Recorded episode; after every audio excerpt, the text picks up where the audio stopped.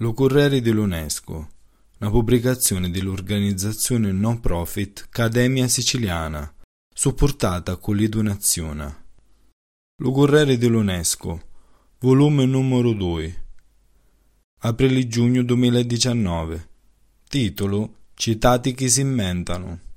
Editoriale Lo 2014 fu un'annata spartiacque per l'umanità, la prima volta nella storia che assai da metà della popolazione del mondo ora campa nei citati. Secondo le stime attuali, verso il 2050 si arriverà al 70%. Sti citati domani, in assai maniere, arrispicchieranno le sue antenate. Delle prime citate stato da Mesopotamia e citate italiane del Rinascimento e megacitate di oggi, le citate storicamente fecero avanzare lo sviluppo umano Sirbenno di Caudara per popoli di origine, diversi poteri fare scanci e dialogare. Ma le citate di oggi e di domani stanno affrontando nuove sfide mai viste prima. Pure si pigliano solo il 2% dalla terraferma, consumano lo 60% da energia mondiale rilassano lo 70% delle emissioni di gas serra e producono lo 70% dei rifiuti mondiali. Come si ingrossano le citate,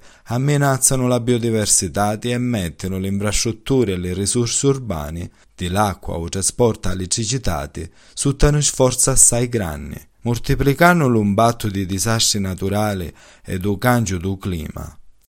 Lo sviluppo non sopravvigliate allo turismo di massa mettono a risico i siti da ereditati culturali e le pratiche vive.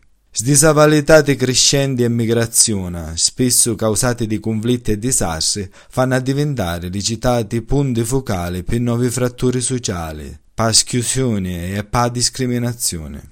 Vista la rannizza di sti sfide, le citate in tutto il con cui ero che nuove maniere di pensare, impegno di cittadina e crucialmente la collaborazione tra citati sono le uniche strade che portano avanti. Lo vittima l'UNESCO, che è la casa di almeno cinque riti di citati, ognuna delle quali lavora per controllare la capacità straordinaria di innovazione e connessione che è un marchio di citati.